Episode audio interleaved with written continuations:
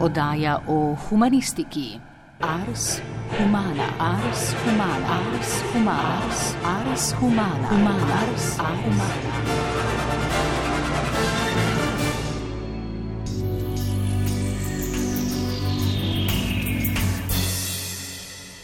Spoštovane poslušalke, cenjeni poslušalci, v oddaji Ars Humana na tretjem programu Radia Slovenija, programu Ars, bomo govorili o zaščitni opremi od visokega srednjega do zgodnega novega veka, o oklepih, čeladah in ščitih, ki je opisano v monografiji o oklepi.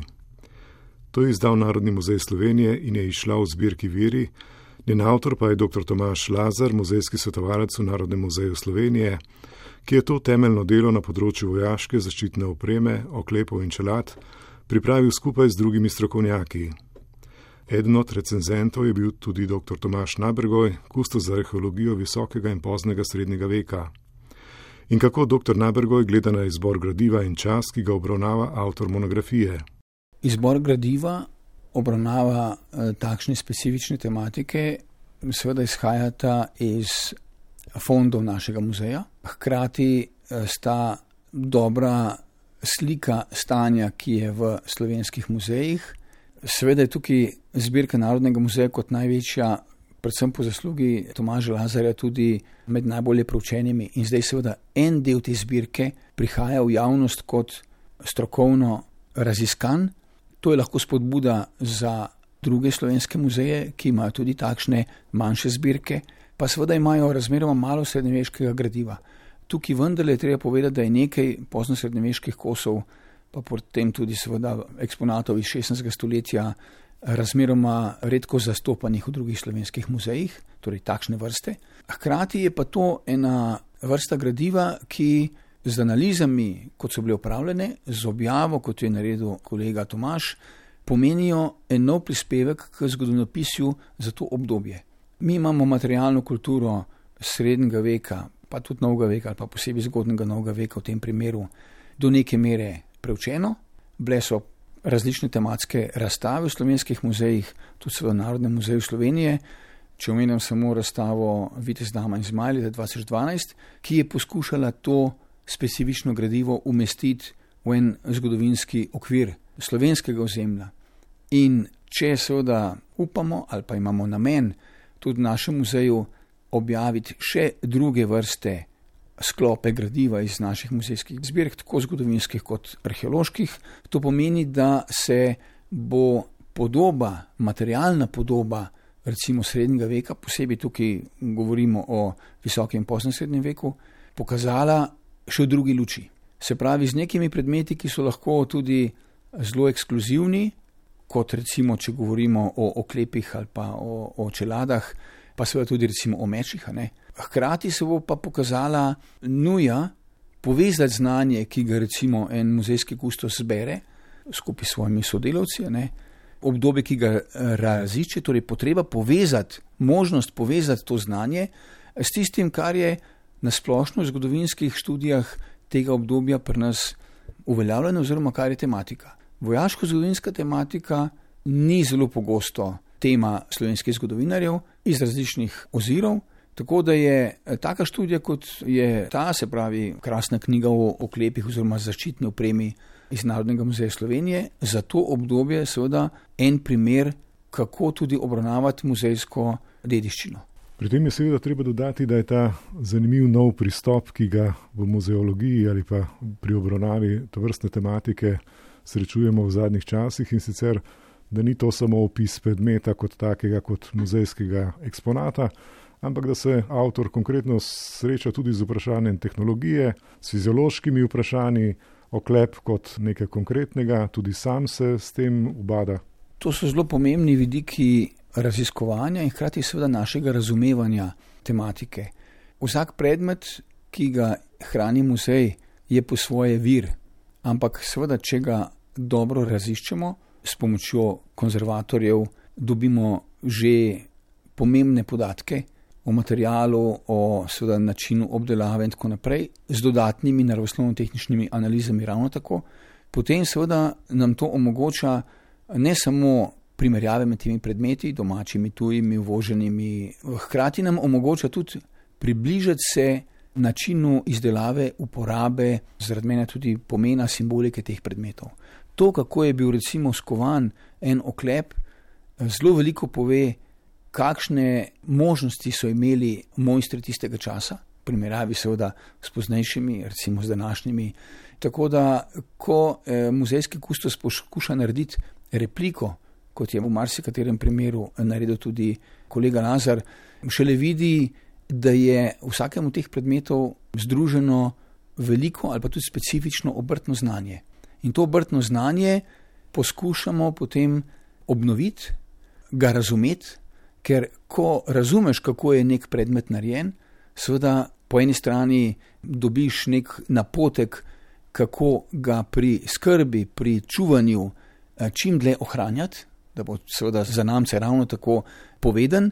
Hkrati se pa seveda marsikdaj lahko priklonimo znanju mojstrov, ki so recimo pred petimi, šestimi stoletji naredili take izdelke. In seveda vse, kar potem lahko na konkretnih primerih uporabimo za neko širšo sliko.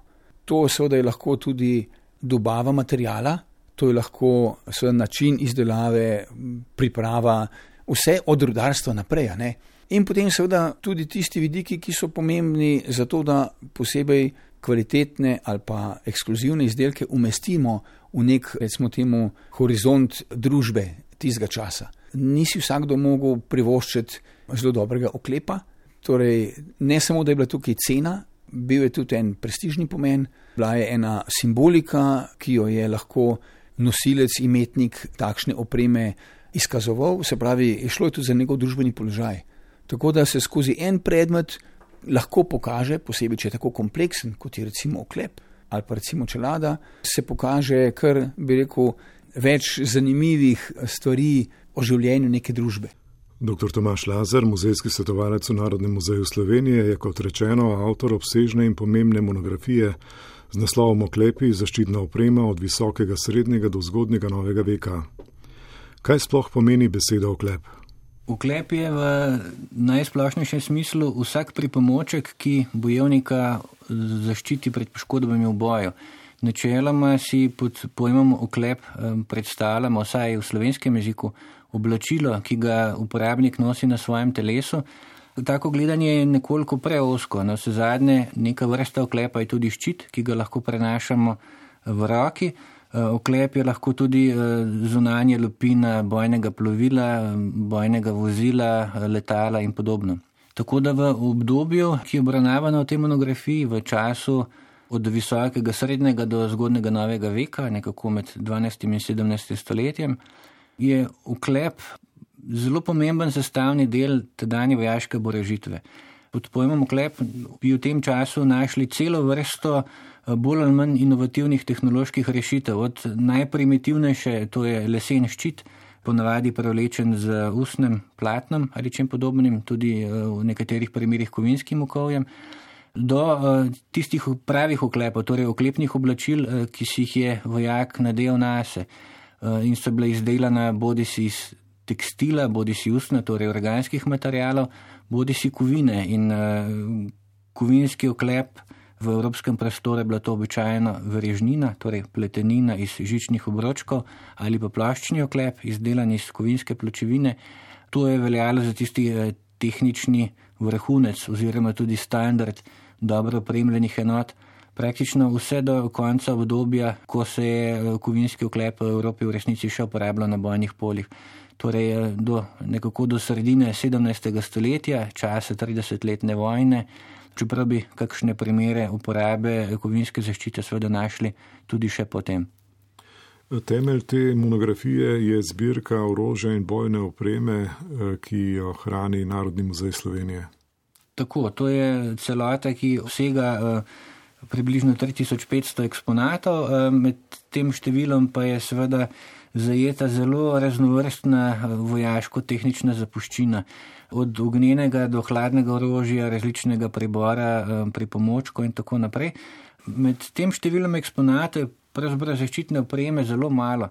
Če bi v isti koš dali eh, vse od srednjeveške do eh, sodobne vojaške čelade, od originalov do replik iz 19. zgodnega 20. stoletja bi prišli nekako na 150 primerkov. Tako da, če se pa omejimo na izdelke iz evropskih delavnic, torej zanemarimo eh, tiste predmete zaščitne opreme, ki jih v muzeju ravno tako hranimo, ampak izhajajo iz neevropskih kultur, iz zunajevropskega okolja. Eh, torej, če se omejimo na eh, zaščitno opremo, kakršno so ali pa bi jo uporabljali naši predniki v času od visokega srednjega veka pa tja do konca 17. stoletja, bi prišli na Vsega skupaj 66 kataloških enot, kot jih je vključenih tudi v to monografijo. Torej, v resnici mehna številka. In eh, če človek tako razmišlja, ne, 66 eh, kataloških enot se ne zdi prav veliko, niti kakšna spodbudna istočnica za uh, obsežnejšo študijo, obsežnejšo monografijo. Ampak v resnici uh, se da tudi za relativno mehkega nabora predmetov povedati marsikaj. Namreč tisto, kar je pa treba zraven povdariti, pa je to, da med primerki starejše zaščitne opreme v našem muzeju vendarle hranimo kar nekaj zelo pomembnih kosov uh, ali pa nekaj kosov, ki so uh, po tehnološki plati zelo zanimivi. In na vse zadnje v Sloveniji, tudi v drugih muzejih, večje, bolj raznovrstne zbirke, ki bi vsebovala to vrstno gradivo, je ni. Najbolj se približa zbirka pokrajinskega muzeja Ptuj Ormož, torej obiskovalci na Ptujskem gradu si jo seveda lahko ogledajo, eh, vidijo tam tudi soliden nabor zaščitne opreme, ki je pa večinoma iz časa druge polovice 16. stoletja, torej večinoma gre za oborožitev iz enega in istega eh, časovnega konteksta. In v tem smislu je zbirka Narodnega muzeja Slovenije eh, zanimiva, ker eh, hrani primerke, ki so tudi starejši. Imamo tudi nekaj kosov izpred leta 1500, torej dejansko iz časa srednjega in ne zgodnega novega veka. Takih kosov se je v evropskem merilu ohranilo malo, vsak zase je torej nekaj posebnega. Poleg tega pa smo tudi z uporabo naravoslovnih analiz, eksperimentalnih rekonstrukcij, različnih drugih metod, ki nekako ne sodijo tisti klasični nabor zgodovinskih ali pa muzejskih raziskav, smo vendarle poskušali eh, iz tega gradiva izluščati čim več informacij. Poskušali tudi eksponate iz muzejske zbirke postaviti v prostor in čas, v kontekst vojskovanja, v kontekst političnega dogajanja tistega časa in eh, to je bil v bistvu glavni cilj te monografije. Kaj je vzrok, da se je tako relativno malo predmetov zaščitne opreme ohranilo na slovenskem? Ključni razlog je gotovo pomankanje politične državne, se pravi kontinuitete, če tako pogledamo, ali pa pomankanje eh, lokalnih dinastičnih središč, ki bi potem eh, neprekinjeno preživela do sodobnosti ali pa vsaj zapustila trajno sled. Namreč velike muzejske zbirke, ki hranijo historične orožje, so se v Evropi večinoma razvile iz eh, zapuščin velikih vladarskih dinastij in slovenski prostor, večina slovenskega etničnega prostora je v preteklosti sodu pod eh, vrhovno oblast Habsburške dinastije. Ta pa je seveda imela svoj center na Dunaju, kjer je tudi izoblikovala čudovito zbirko eh, starega orožja. No, se zadnje gre za še danes enega najpomembnejših muzejev tega tipa na svetu.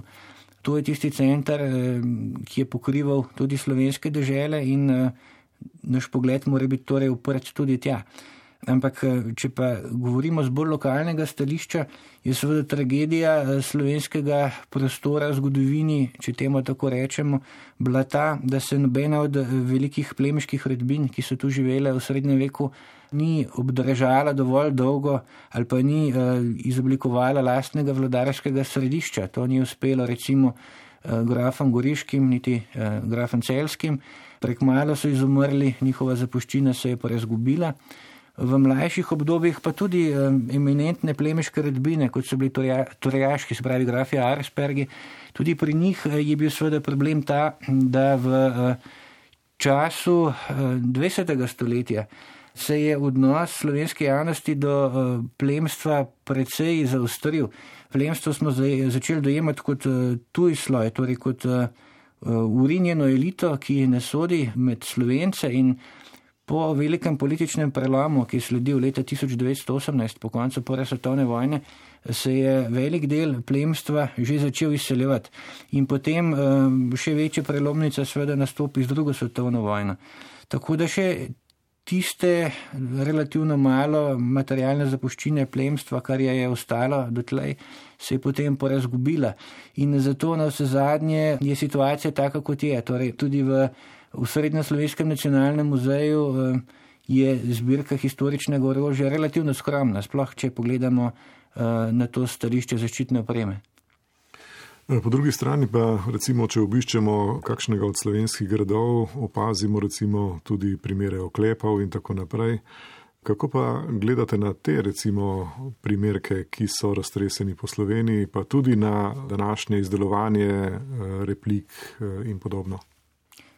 Ja, nasploh se je v slovenskih muzejskih zbirkah, torej javnih muzejskih zbirkah in tudi tistih zasebnih, ki so meni znane, se zaščitne opreme eh, iz eh, starejših zgodovinskih obdobij ohranila res zelo, zelo malo. Če bi eh, in praktično vse pomembnejše eksponate tudi v slovenskih muzejih, recimo v celju in še kje, tiste najpomembnejše sem tudi na se zadnjo vsaj sliko vključil v to monografijo, ker je prav, da se na to upozori. Ampak v resnici večina eh, oklepov, ki jih eh, obiskovalec danes lahko vidi na kakšnih bolj turističnih lokacijah, tudi na gradovih in podobno, eh, v večini primerov gre za novodobne replike. Dosti krat tudi replike, ki so pravzaprav dokaj fantazijsko izdelane, so zelo, zelo oddaljen približek historične zaščitne opreme in v tem smislu niso prav dobre pedagoški pripomoček, če tako gledamo. Dosti krat take replike eh, posredujejo eh, sodobnemu opozovalcu predvsej napačen vtis o tem, kako je bil oklep v resnici eh, sestavljen. V večini primerov, seveda, ko govorimo o takih replikah, gre za plaščne oklepe, torej za garniture iz jeklene pločevine. In to je bil v resnici zelo, zelo kompleksen, zelo prefinjen tehnološki izdelek ki ga je znala uh, proizvesti ena dokaj mehna uh, peščica okleparskih mojstrov. In seveda izdelovalci novodobnih replik zelo malo kdaj uh, lahko sežejo blizu znanju in spretnosti tem že izumrlim obrtnim mojstrom. Tako da je seveda problem, če na podlagi izkušenj z dokaj okorno izdelanimi, verjetno tudi preveč masivnimi, pretežkimi replikami, si zgradimo neko dojemanje o tem, kakšna je bila videti zaščitna oprema nekoč in kako je v resnici funkcionirala. In eh, v tem smislu so oklepi eh, zanimiva tema ali pa zanimiva istočnica ne, eh, v našem predstavnem svetu, silno obremenjena z čudnimi predpostavkami. Videli smo lahko kakšen film, ki kaže oklepljenega viteza, kako ga na, dvigujejo sedlo praktično z žerjavom oziroma z škripcem. To so seveda popolne neumnosti. Ne? Eh, vojaška oprema, ki bi bila tako težka, da eh, človeka praktično imobilizira, je nepraktična.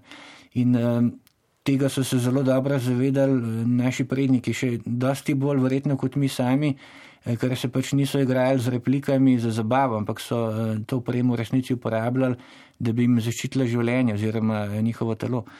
Tako da take mite, take stereotipe je dobro čim prej razblind. Tudi dogodki, kot so kakšne uprizoritve eh, srednjeveških bitk, eh, turnirjev in podobno, vse to je eh, na en način zelo prilačen pripomoček, kako javnosti približati že oddaljena zgodovinska obdobja, vzpodbuditi zanimanje, je pa seveda vedno izziv ali nastopajoči ali ljudje, ki so vključeni v tako dogajanje, ali imajo znanje, ali dejansko si, si prizadevajo za to, da bi tudi eh, njihova noša, oprema, replike bile v resnici zelo eh, blizu eh, originalom, ali je pa ta želja po avtentičnosti bolj v tretjem planu. Pri iskanju teh informacij o klepih in tako naprej ste se naslonili tudi na druge vere, se pravi na likovne in podobne. To je v sodobni stroki, morda ne toliko zelo v slovenskem prostoru, ampak na zahodu, kjer je pa tradicija preučevanja vojaške zgodovine eh, predvsej bolj razvita. Tak multidisciplinarni pristop je eh, že zelo dobro uveljavljen.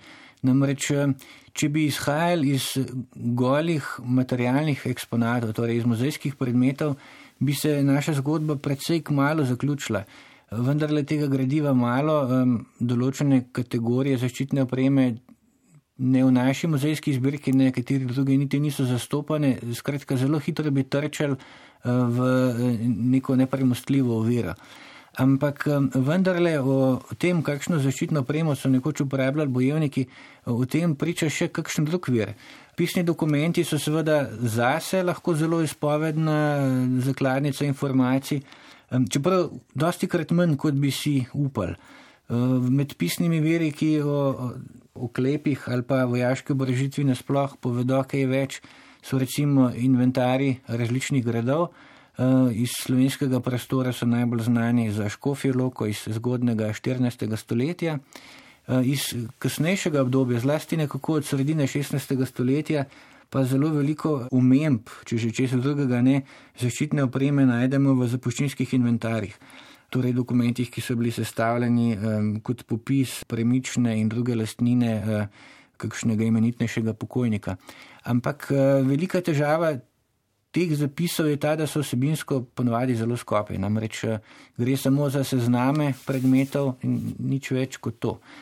Po drugi strani so veliko napodobitve, zlasti za obdobje pred eh, letom 1500, izjemno zanimiv, tudi dokaj izčrpen ver.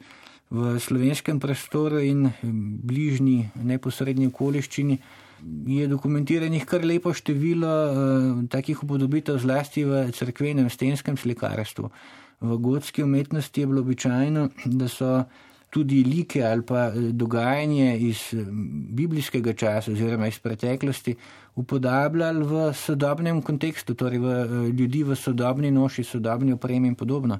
In temu se lahko zahvalimo za številne upodobitve različnih vrst orožja, oklepa, čelat in podobno, tudi v slovenskem okolju. Kakovost teh upodobitev je seveda zelo odvisna od spretnosti posameznega umetnika, posameznega mojstra. Dosti krat te upodobitve tudi niso popolnoma realistične, ampak če jih znamo eh, pograbiti kot vir, torej če jih znamo eh, obravnavati kritično v nekem eh, širšem kontekstu, se vendarle lahko pokaže, kakšni so bili tisti prevladujoči vplivi, ki so določali razvoj ali pa uporabo različne vrste oborožitve v. Eh, slovenskem prostoru. Eh, še en tak, ravno tako likovni, ampak eh, bolj tridimenzionalen vir pa so seveda klesanje viteški nagrobniki. To so pa figuralne upodobitve, ki ponovadi prikazujejo pokojnega plemiča v popolni bojni opremi. In zlasti za čas po zgodnem 16. stoletju je takih upodobitev tudi v našem okolju ostalo so razmerno veliko, za tisto zgodnejše obdobje žal eh, malo, ampak vseeno, če eh, tako gradivo, če take dokumente znamo eh, postaviti skupaj, jih preučiti, nam lahko pokažejo kar dober pogled v razvoj vojaške ureditve na slovenskem, tudi razvoj vojaške tehnologije, ki se takrat uporabljala. No, med temi viri, ki jih navajate, je zanimiv recimo popis Metja Wolfa Engelberta Auersperga na gradu Žuženberg iz leta 1558, ki navaja veliko količino uh, zaščitne opreme in je res presenetljivo, če mogoče omenim deset poliranih prstnih oklepov z vratniki in ročnimi ščitniki, med pripadajočo opremo še ena posamezna prstna plošča, en ročni ščitnik in ena rokavica. V primerjavi s kakšno drugo plemiško redbino, manj premožno so bili torjaški, eh, nesporno vrh tedanje državne elite, ne, eh, so redbina, ki je tudi on stran tistih najožjih meja domače države uživala močan vpliv, velik vpliv.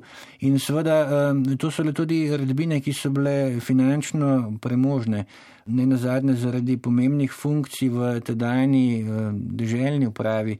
Številni člani te rodbine so bili na zadnje visoki častniki, imeli so pomembno mesto v vojaški organizaciji.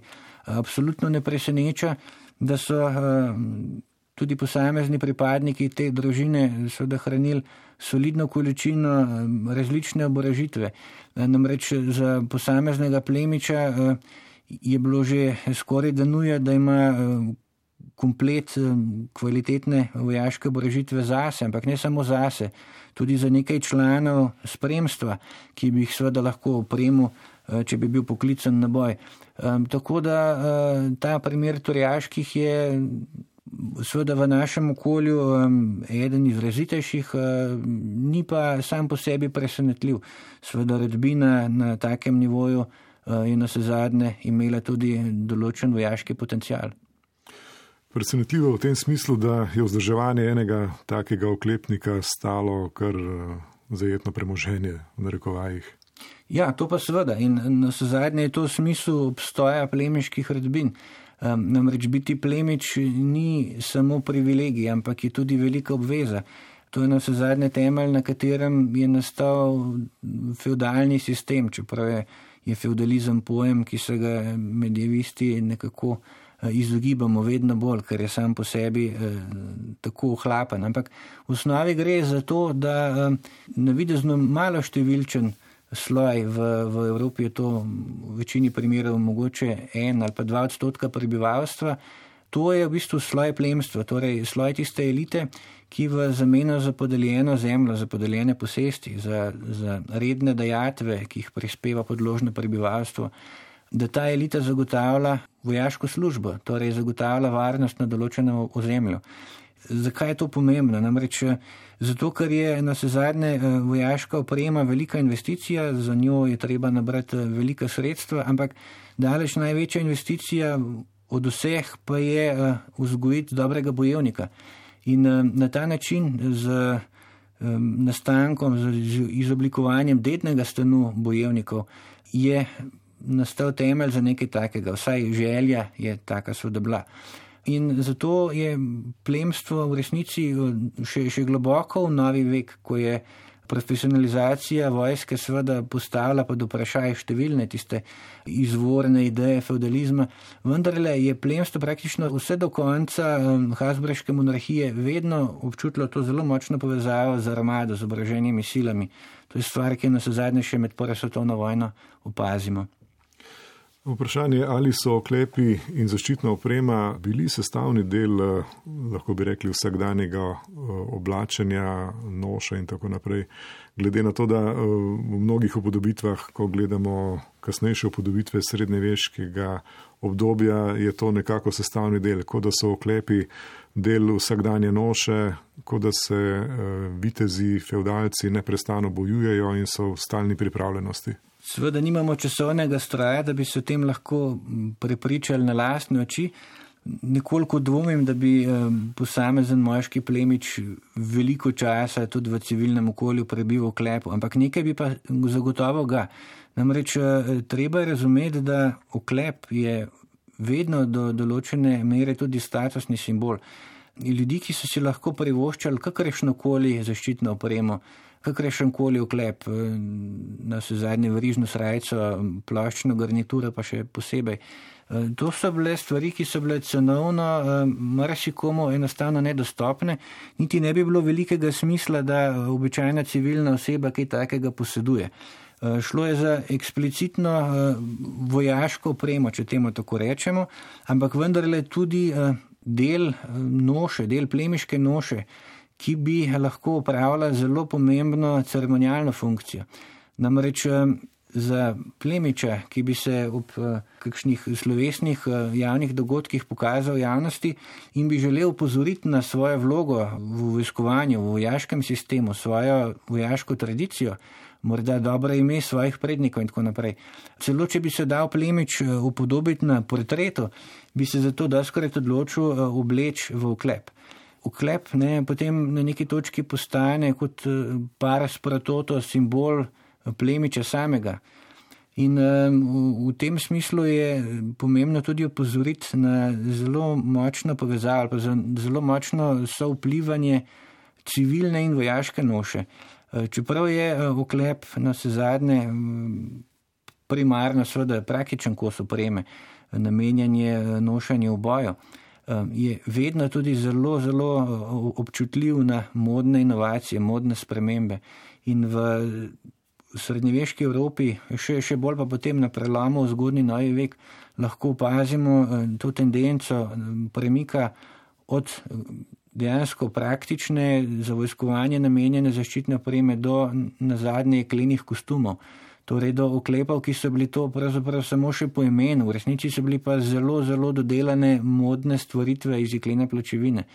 V tem smislu so po eni strani okleparski mojstri lahko potrdili svoje mojstrstvo, lahko so se pokazali za um, vešče skoraj oblikovanja jeklene pločevine, skoraj da poljubne oblike. Uh, njihovi naročniki pa so s tem lahko tudi se pokazali kot zelo ekstravagantne osebe z modnim občutkom. Zlasti v prvi polovici 16. stoletja je bila ta tendenca zelo močna. Takrat imamo med tisto vrhunsko vladarsko elito v Evropi pravo modno norijo najprej grotesknih oklepov, se pravi oklepov, ki so bili tako drugače oblikovani v nenavadne oblike, recimo šlemi z kakšnimi grotesknimi naličniki v obliki ptičjih klunov in podobno. No, potem v malenkost mlajšem obdobju postanejo aktualne druge stvari, kot so recimo oklepi, ki posnemajo nabrano nošo, se pravi široke narezane rokave, teda iz zelo popularnih lansknehtskih oblačil in tako dalje. Tudi dekorativne tehnike, zlasti jedkanje, pozlata, graviranje, to so tehnike, ki jih oklepari z vse večjem obsegu začnejo aplicirati na svoje izdelke in vse to kaže seveda na določen odmik tistega zgornjega ali pa najrazkošnejšega dela obrtne proizvodne v smeri proti vse bolj paradnim kosom, ne pa klasičnim bojnim garnituram. Vaša monografija je sestavljena seveda iz poglavi, ki nekako zelo opredelijo in razložijo posamezna vprašanja, ki so vezana na to. Nekaj sva že teh tem omenila. Zanimivo recimo poglavje je življenje na nemirnem križišču. Ta del zgodovine pri nas malce slabše poznamo srednjeveške, kaj se je pravzaprav pri nas dogajalo, če omenimo dobo viteštva, najemniške službe, boji med srednjeveškimi mestnimi državecami, v katerih so sodelovali najemniki iz naših krajev in podobno, seveda križarske vojne, spon grofov celskih in tako naprej. Kako se skozi to časovno os zgodovinsko kaže pa zaščitna oprema, oklepi in tako naprej na slovenskem prostoru? Namen tega uvoda je bil še posebej predstaviti bralcu, ki mogoče ni tako podučen o, o srednjeveški zgodovini, nekoliko natančnejšo podobo dogajanja na slovenskih tleh. Ker, kot ste omenili svojo preteklost, zlasti svojo vojaško zgodovino, slovenci dokaj slabo poznamo. Se mi zdi, da zlasti za čas srednjega veka in še del zgodnega novega veka je tako, da tudi v sedanjih učnih programih te teme niso zelo jasno poudarjene. Se mi zdi, da poprečni slovenci o tem nekako nimajo niti trdnejše osnove, kaj šele kakšnega bolj poglobljenega vedenja.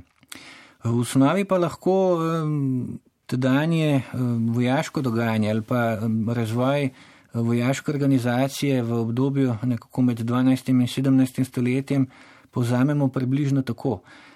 Z prehodom slovenskega prostora pod frankovsko oblast, integracijo v sveto rimsko cesarstvo in seveda prehod v feudalno ureditev se v slovenskem prostoru, podobno kot druge na zahodu, uveljavi nov model vojaške organizacije, ki temeli na vitezu, na težko uklepljenemu bojevniku, ki izhaja iz plemenitega stanu ta sistem kar nekaj časa dobro funkcionira in um, zadnja, morda tudi največja preizkušnja takšnih feudalnih vojsk je bila bitka med otokarjem Pšemislom, torej češkim pretendentom, ki si je češkim kraljem in tudi pretendentom za oblast v prostoru od Češke pa vse do Jadranske obale, ki se je leta 1278 spopadel z Rudolfom Hasburškim. To je bila velika bitka, ki je potem določila uh, usodi Srednje Evrope, če tako govorimo. In to je tudi bitka, ki je dokončno postavila dinastijo Habsburžanov kot uh, zelo pomembno silo v tem prostoru. Eh, silo, ki je potem v 14. stoletju tudi eh, definitivno eh, prevzela oblast nad večjim delom slovenskega etničnega prostora in je to oblast obdržala potem še praktično vse do konca prve svetovne vojne. Torej v teh političnih okvirih seveda se je razvijala tudi vojaška ureditev slovenskega prostora. V 14. stoletju opazimo pomemben premik, namreč zaradi sorazmernega zatišja, zaradi uh, situacije, ko slovenske države niso bile tako neposredno pod pritiskom kakšnega zunanjega sovražnika, temveč so mir k večjemu kalili domači notranji spori, pa še to ne posebej velikih razsežnosti. No, v tem času se je vojaštvo iz slovenskih držav dokaj množično odestovalo v tujini in sicer kot najemniki. 14. stoletje je čas, ko se v večjem delu Evrope začne uveljavljati nov sistem eh, vojaške službe, oziroma v vse večjem obsegu se novači najemnike, torej poklicne vojake, ki so se pripravljeni bojevati za denar. Eh, in to je najprej dopolnilo tistim klasičnim feudalnim obveznostim, ki izhajajo seveda iz odnosa med eh, gospodom in vazalom, ampak postopoma pa postanejo pomemben korak na poti do profesionalizacije vojsk. Eh, in to je proces, ki potem dozori eh, proti koncu 15. začetku 16. stoletja. No, ampak za um, plemiče slovenskega prostora, ki so se v 14. stoletju odločili za tako kariero in ni jih bilo malo, ker precejšnje število plemiških redbin bi našli, ki so se uh, uprijele takega načina služenja. Sveda, to so bili ljudje, ki so potovali zlasti v Italijo, ki takrat veljala za meko najemništva. Tam so se spoznali z ne samo s tuje kulture, tudi z tedaj najnaprednejšo vojaško borežitvijo, stkali so pomembne politične povezave. Eh, Marsikatera rodbina si je ustvarila dobre finančni kapital iz vsega tega. Če pomislimo na plemiče, ki so dokumentirano delovali v Italiji in še ki drugi v tem času, njih tako malo, recimo Gali, Galenbergi, Svibenski, Celo grafi celski so se na se zadnje plasirali v evropsko elito tudi s pomočjo eh, najemniške karijere Ulrika I. in Hermana I., torej tiste druge generacije eh, grafov celskih, ki je praktično skozi svoje vojaške zmogljivosti in skozi tesno sodelovanje s Habsburžani se lahko zavihtela zelo visoko. Ampak, ko smo že pri celskih, je seveda tukaj zametek zgodbe, ki je potem postala zelo hm, aktualna v 15. stoletju. Torej, vzpon grafov celskih v novo hm, elito, torej v, v sam vrh srednjeevropskega plemstva, je prenašal svoje posledice. Namreč redbinska strategija celskih je bila potem hm, v prvi polovici 15. stoletja eh, očitno usmerjena v izgradno samostojne kneževine, neodvisne kneževine, eh, ki bi se utresla nad oblasti Hasbreške dinastije.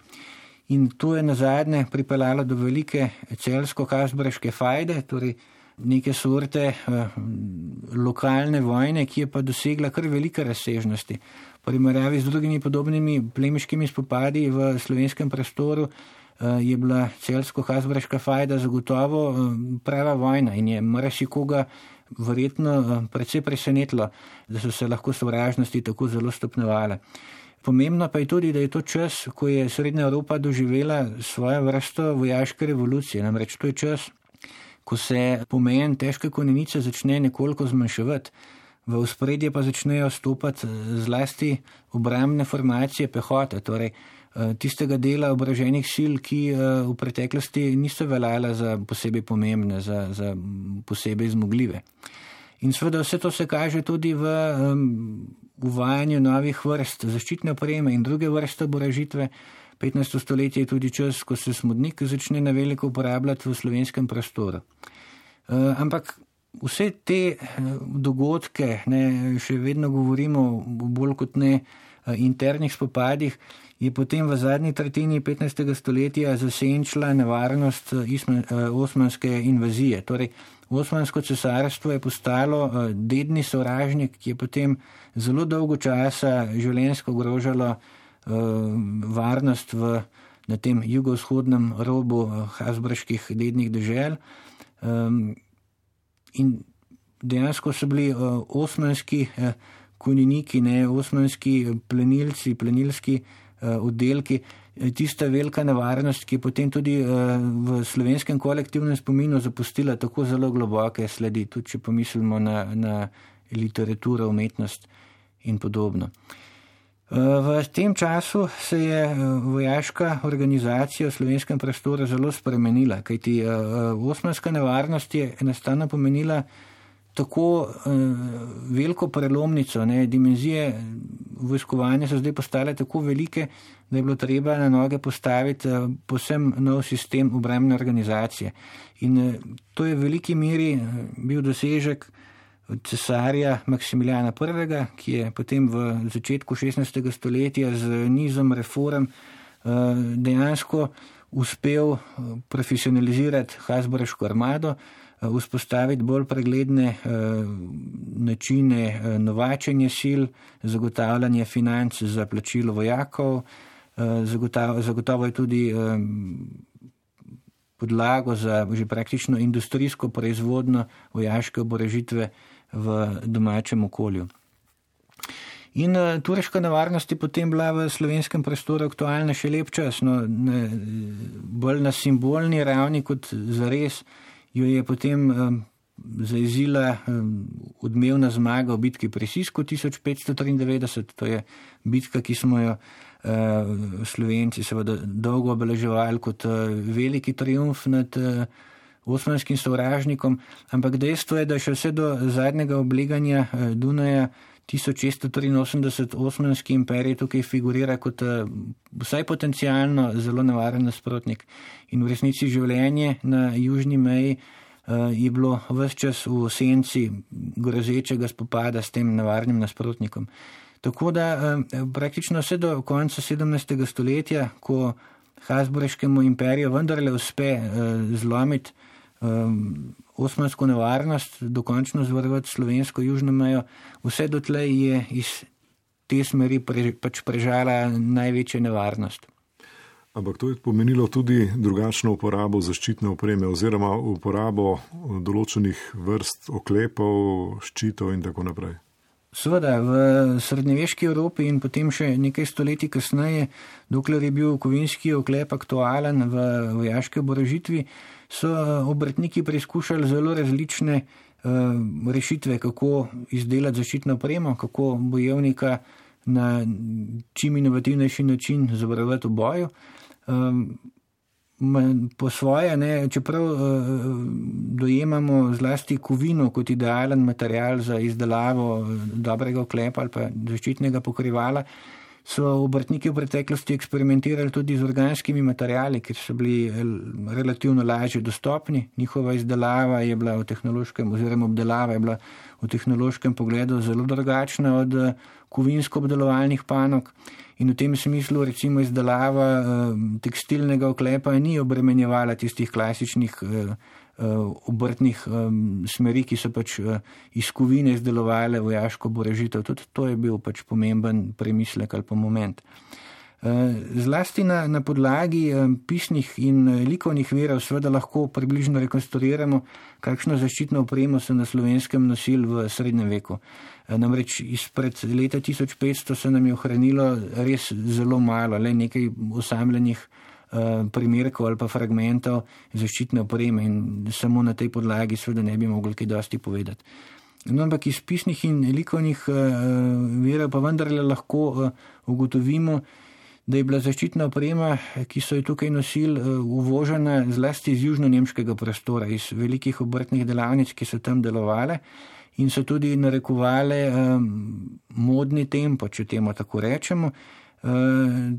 Torej, večina eh, začitne opreme, ki se pojavi na slovenskem, eh, sodi zelo jasno v kontekst tega južno-nemškega kroga. Dočim na zahodnem delu eh, slovenskega etničnega ozemlja in v Istri najdemo seveda tudi nekaj primerov, ki kažejo na tesnejše stike z Italijo, severno Italijo kot drugim velikim okleparskim oziroma rožarskim krogom v tedajni Evropi in seveda to glede na uh, gospodarske stike, geografsko bližino, tudi močno romansko tradicijo in politične okvire, seveda ni presenetljivo. Dejansko do konca srednjega veka bi težko trdili, da se je v slovenskem prostoru kakorkoli razvila kakšna posebna novost, kar se tiče nošenja eh, bojne opreme, zaščitne opreme. Eh, lastne proizvodne tradicije v večjem obsegu tako ali tako nismo imeli eh, velikih obrtnih delavnic, ki bi izdelovali oklepe ali pa zaščitna pokrivala in podobno. Na slovenskem ni bilo, izpričanih imamo samo nekaj okleparjev oziroma manjših delavnic, ki so bile verjetno namenjene bolj popravljanju in vzdrževanju kot uh, samostojni izdelavi uh, končnih izdelkov. Ampak v, uh, v potem uh, 16. stoletju, pa seveda zlasti zaradi vtisa ali pa izkušenj spopadov z osmanskimi četami, pa seveda pridemo v situacijo, ko opazimo, da so te specifične potrebe obmejnega vojskovanja vplivali tudi na izbiro zaščitne opreme vidimo tendenco opuščanja eh, težkega celopostanega plačnega oklepa, vidimo premik v smeri eh, nošanja lažjih vrst zaščitne opreme, kar je seveda razumljivo, če upoštevamo kontekst eh, obmejnih vojn. Torej, kontekst, v katerem je malo kdaj prihajalo do velikih odločilnih bitk, ampak večinoma do manjših akcij, ki so načeloma zahtevale Eh, veliko gibljivost in v takem kontekstu je lahka konenica, lahka pehota seveda bila idealno sredstvo, ne pa eh, zelo masivno oklepljeni, oboroženi bojevniki. Eh, vse to se potem kaže, je dokumentirano sedaj tudi že z muzejskimi eksponati, ker namreč za čas od, vsaj od sredine 16. stoletja naprej pa je tudi koncentracija materialnih ostankov v slovenskih muzejih, ne na zadnje v našem, že kar velika in to nam seveda omogoči, da izgradimo, da predstavimo obravcu jasnejšo podobo. Veliko delo je za vami, sedaj je monografija seveda že izdana in prinaša res temeljni pogled v zaščitno opremo.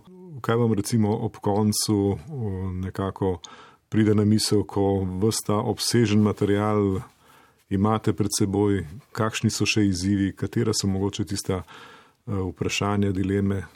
No, z to monografijo smo verjetno dosegli vsaj to, da smo prvič doslej vrednotelj, sicer številčno mehen, ampak vseeno zgodovinsko pomemben del našega muzejskega fonda.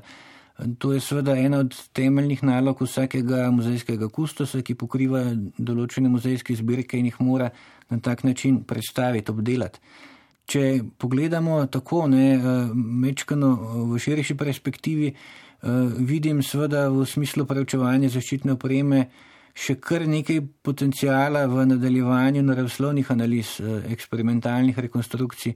To so stvari, ki smo jih seveda že v preteklih letih eh, eh, tudi izkoristili in so predvsej verjetno obogatile sedanje monografijo, ampak prostora za dodatne raziskave je tukaj še cel kup z metalurškimi analizami, z neporušnimi preiskavami, na vse zadnje z določenim kemične sestave, eh, ugotavljanjem, po kakšnih obrtnih postopkih so bili kakšni izdelki narejeni. Eh, vse to nam lahko še bistveno izpopolni naše vedenje o, o tehnologiji eh, tistih bolj odmaknenih časov. Bolj v praktičnem smislu je pa seveda moja prva naloga ta, da um, knjigo prevedem v angliščino in da izdamo tudi angliški zvezek, vendarle je treba um, poskrbeti tudi za uh, širjenje znanja v tujino, vsaj toliko, da tujim kolegom in tistim, ki jih to zanima, eh, pokažemo, kaj hranimo v našem muzeju.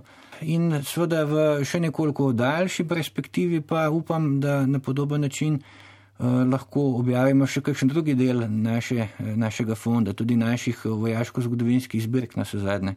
Eh, tukaj je pa tem še kar veliko. Torej, če smo zdaj le pokrili še niti ne 70 eksponatov od tistih 3500, se mi zdi, da, se mi zdi, da nam ne bo tako zelo malo zmanjkalo dela. Vaš najljubši ali pa eh, vam najbolj zanimiv predmet, eksponat, ki ste ga obdelali in ki ga imate v zbirki, pa je? Ja, če bi se moral odločiti za enega samega, je tukaj seveda zgodba jasna. Ne? To je ploščni oklep Valentina Zimbergerja. Eh, dejansko edini, praktično popolno ohranjen celo postanje oklep, ki ga imamo v muzeju in tudi v Sloveniji nasploh. in je dejansko kvaliteten izdelek enega najboljših mojstrov iz južno-nemških delavnic v prvi polovici 16. stoletja. To je en tak tehnični spomenik no, v resnici, ki nam marsikaj pove o znanju, nivoju, ki so ga dosegali mojstri preteklih časov. Dr. Tomaš Nabergoj dodaja. Monografija dr. Tomaža Lazarja je v muzejskem svetu, v zgodovinopisju ta trenutek izjemno delo, zato ker na zelo kompleksen interdisciplinaren način obravnava tematiko, ki je v bistvu vrsto let, desetletji bila na nek način prezrta ali pa potisnjena eh, obrob. Njegova knjiga je metodološko neoporečna, kar se tiče seveda zgodovinopisja, kar se tiče vojaške zgodovine, oborožitve, seveda tudi samih predmetov, ki jih obravnava. Hkrati pa seveda premišljena, tehtno napisana knjiga, ki je prvi obračun z eno posebno kategorijo predmetov, ki jih hrani Narodni muzej Slovenije.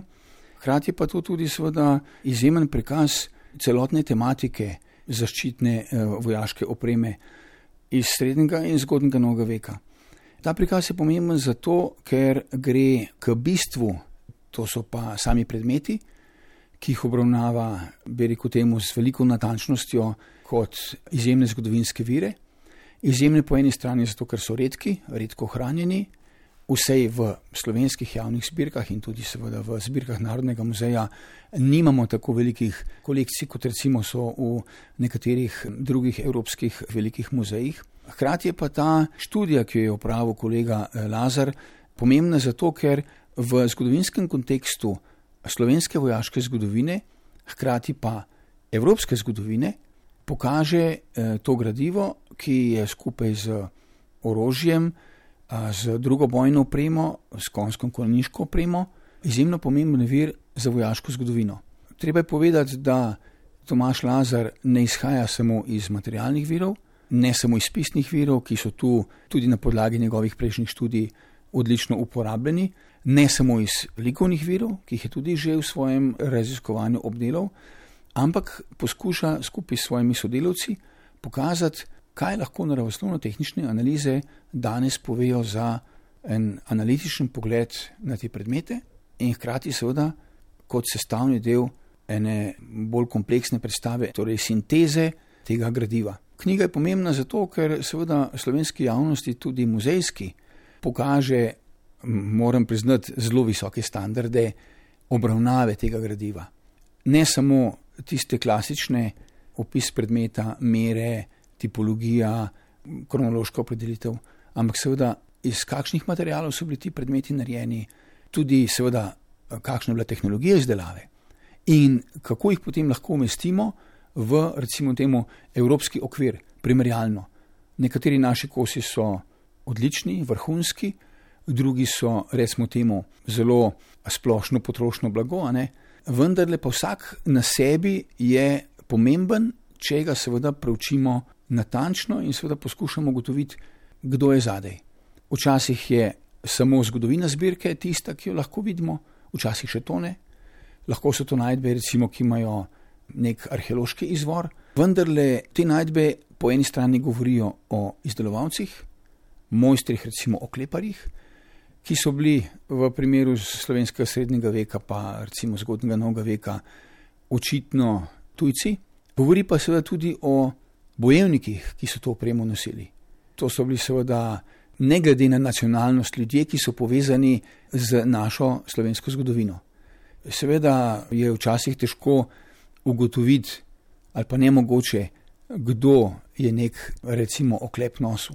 Takih podatkov imamo v bistvu mi malo.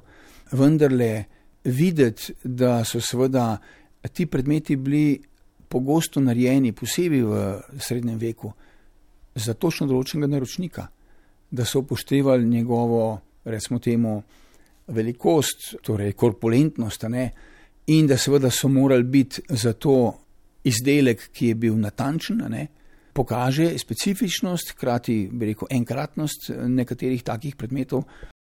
In tukaj je treba pri monografiji Tomaža Lazare povedati, da je bil izjemen prispevek sodelavcev iz teh naravoslovnih ved metalurgov, ki so recimo opravili te naravoslovno-tehnične analize, metalografske in tako naprej. V glavnem so bili to slovenski kolegi, dva sta bila tudi iz Anglije, posebej bi omenil kolega dr. Alana Williamsa, s katerim je naš muzej pred leti začel sodelovati in je pač kot ena avtoritet v svetu za raziskave oklepov seveda prispeval svoje znanje, hkrati pa seveda pomagal s članki, ki so že šli in tudi s prispevkom tej monografiji, širiti vedenje tudi tujcem. Namreč ta monografija bo, upamo, da kmalo prevedena v angliščino. In to pomeni, da se s takšnimi knjigami, kot je Lazareva, in seveda s prispevki sodelavcev, vedenje o naših muzejskih zbirkah, o naši zgodovini prenese tudi strokovni javnosti. To je pa pomembno, zato ker je posebej na področju vojaške zgodovine, tako srednjega in eh, zgodnega novega veka, kot tudi drugih obdobij, slovensko zemlje pogosto ena bela lisa. Torej, ni dovolj poznano, zato ker seveda ni bilo dovolj proučevano, zato so različni vzroki. Eden od vzrokov seveda je relativna skromnost zbirk, ne, ali pa če bi rekel, morda absolutna. Ne. Relativno so ti predmeti v nekem evropskem okviru dokaj malo številni, ampak nekateri seveda so pa zelo pomembni za takšne zgodbe, kot jih zgodovina, pa seveda tudi muzejska stroka lahko ponusta javnosti. Spoštovane in spoštovani, to je bila oddaja Ars Humano o monografiji o klepi zaščitna oprema od visokega srednjega do zgodnega novega veka, ki so jo izdali v Narodnem muzeju Slovenije. Njen avtor pa je dr. Tomaš Lazar, muzejski svetovalec v Narodnem muzeju Slovenije. Tehnična izvedba, tonski mojster Vito Plavčak, oddajo pa sem pripravil Milan Trobič. Oddajo lahko spet slišite na spletni strani program Ars in v aplikaciji za podkaste. Srečno! Oddaja o humanistiki. Ars humana, ars humana, ars humana, ars humana, humana, ars humana.